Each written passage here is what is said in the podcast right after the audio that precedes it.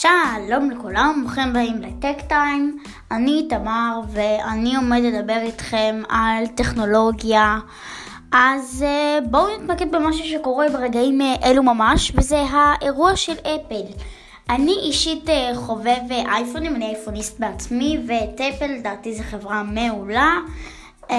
למרות שיש גם דברים שאני לא אוהב בה, אבל אני די אוהב את אפל. עכשיו, אפל עומדת להשיק שירות סטרימינג מתקדם וגם שירות עיתונים שכבר זכה לכינוי הנטפליקס של העיתונים. כן, אפרופו נטפליקס, השירות, השירות טלוויזיוני, השירות תוכן שאפל מתכוונת להציג, עומד להיות כנראה מתחרה חדש לנטפליקס. עכשיו אני לא בטוח שנטפליקס זה משהו שאפשר להוציא מהשוק, הרי זה כמו שאת אקסל אי אפשר להוציא משהו ולהחליף אותו באפליקציה אחרת, אבל הוא כבר נכנס חזק מדי.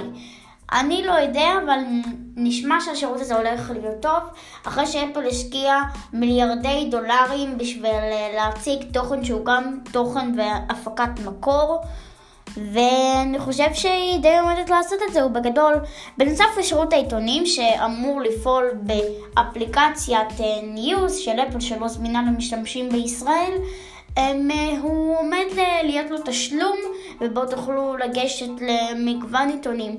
עכשיו אני מאוד אוהב את זה והכל ובסך הכל אה, נראה לי שזה אמור להיות משהו די טוב, לטובה. הרי אה, אפל עבדה על זה שנים, ואיך אני אומר, אפל אף פעם לא חידשה משהו, היא פשוט לקחה דברים שאחרים עשו ועושה את זה יותר טוב. זה, זה בעצם מה שלדעתי אפל עושה בכל השנים שבה היא פועלת כחברה תקנית של, אה, שמייצרת מחשבים, סמארטפונים, כל מיני דברים טכנולוגיים בכללי. עכשיו, גם אפל הוציאה שני אייפדים לפני לא מעט זמן וגם איירפודס. אה, את האיירפודס היא השיקה בחנות הדיגיטלית שלה, היא לא עשתה איזה אירוע מיוחד. אני לא יודע בדיוק מה בנוגע לאייפדים, אבל, הם, אבל בשקט בשקט הם עומדים להגיע לישראל. היא השיקה דור חדש של האייפד אייר ושל האייפד מיני. בוא נדבר על זה, כי היא לא בדיוק עשתה אותם עם... מסך אה, מלא בדיוק, אה, מסך ללא גבולות, כמו שיש אה, באייפד פרו החדש שיצא לא מזמן ב-2018.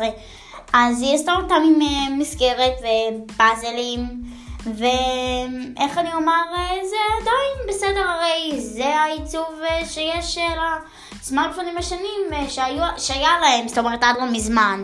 ועדיין הם נשמעים די טובים, מציעים מפרט שהוא לא צנוע, יש להם אה, מעבד טוב A12 ביוניק צ'יפ שמפותח אצל אפל, אה, מעבד מפלצתי חשוב לציין, שנבדק, וזהו בערך בנוגע לאפל.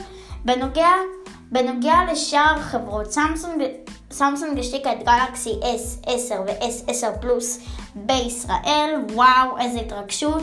אני באמת חושב, אה, אם המחיר היה פשוט אה, זהו ומתאים למכשיר, לדעתי זה אמור להיות המכשיר שיציל את סמסונג.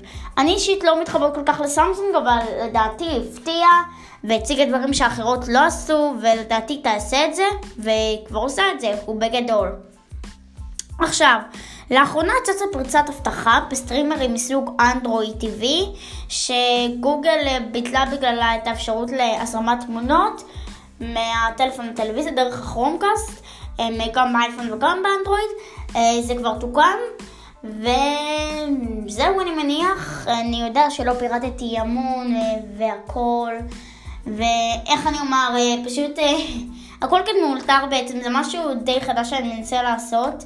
Um, אני אשמח אם uh, תוכלו uh, להגיב לי ולתמוך בי, כי אני באמת מאוד uh, אוהב לעשות את זה. אז עד הפעם הבאה, טק טיים.